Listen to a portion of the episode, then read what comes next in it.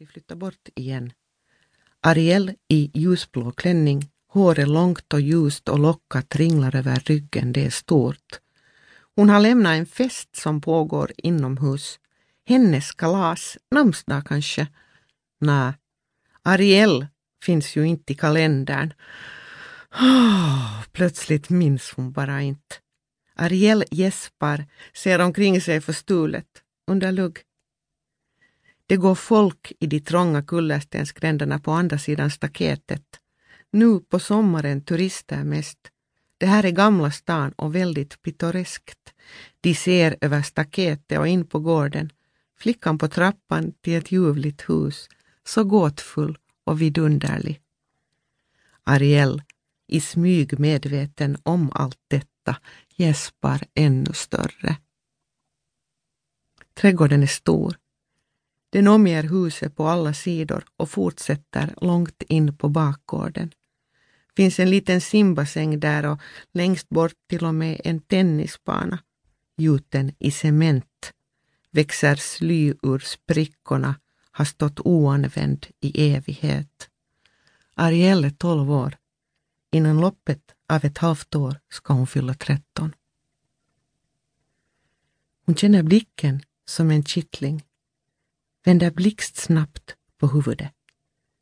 Mellan spjälorna i staketet ser hon honom, pojken.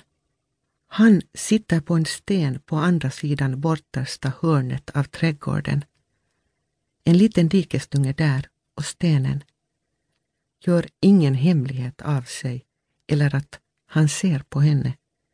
Han är mörk när ljus, men en sån gestalt, en mörk en. Ariel reser sig sakta och går fram till honom, sneddar över tennisplanen, trycker ansiktet mot staketet. Och vad vill du av mig?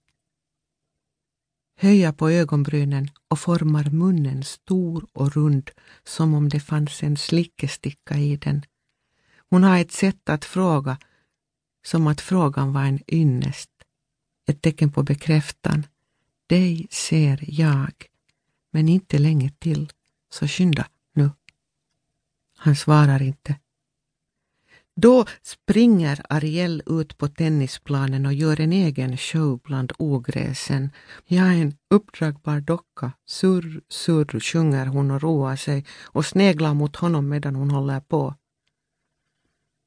Plötsligt öppnar han munnen och börjar prata. Orden forsar ur honom lågt, ursinnigt och intensivt. En gång bodde han här, säger han, precis här i det här huset Hans var trädgården, hans var huset och alla byggnaderna.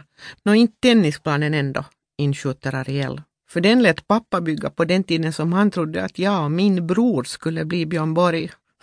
Som du ser så blev det ingenting av det. Han säger ingenting. Så hon går fram till honom på nytt och frågar, och vem är du egentligen? Han svarar inte. Rycker på axlarna halar ner från stenen, går sin väg, men kommer igen många gånger i slutet av den sommaren. Pojken på stenen i förvånansvärt hela kläder trots att han är fattig. Propra kläder skulle Trasan säga. Trasan är Ariels mamma. Leila egentligen. Men Trasan är hon bara inom hemmets fyra väggar. Ibland ser Ariel pojken på stan med en yngre flicka. Hon är halt.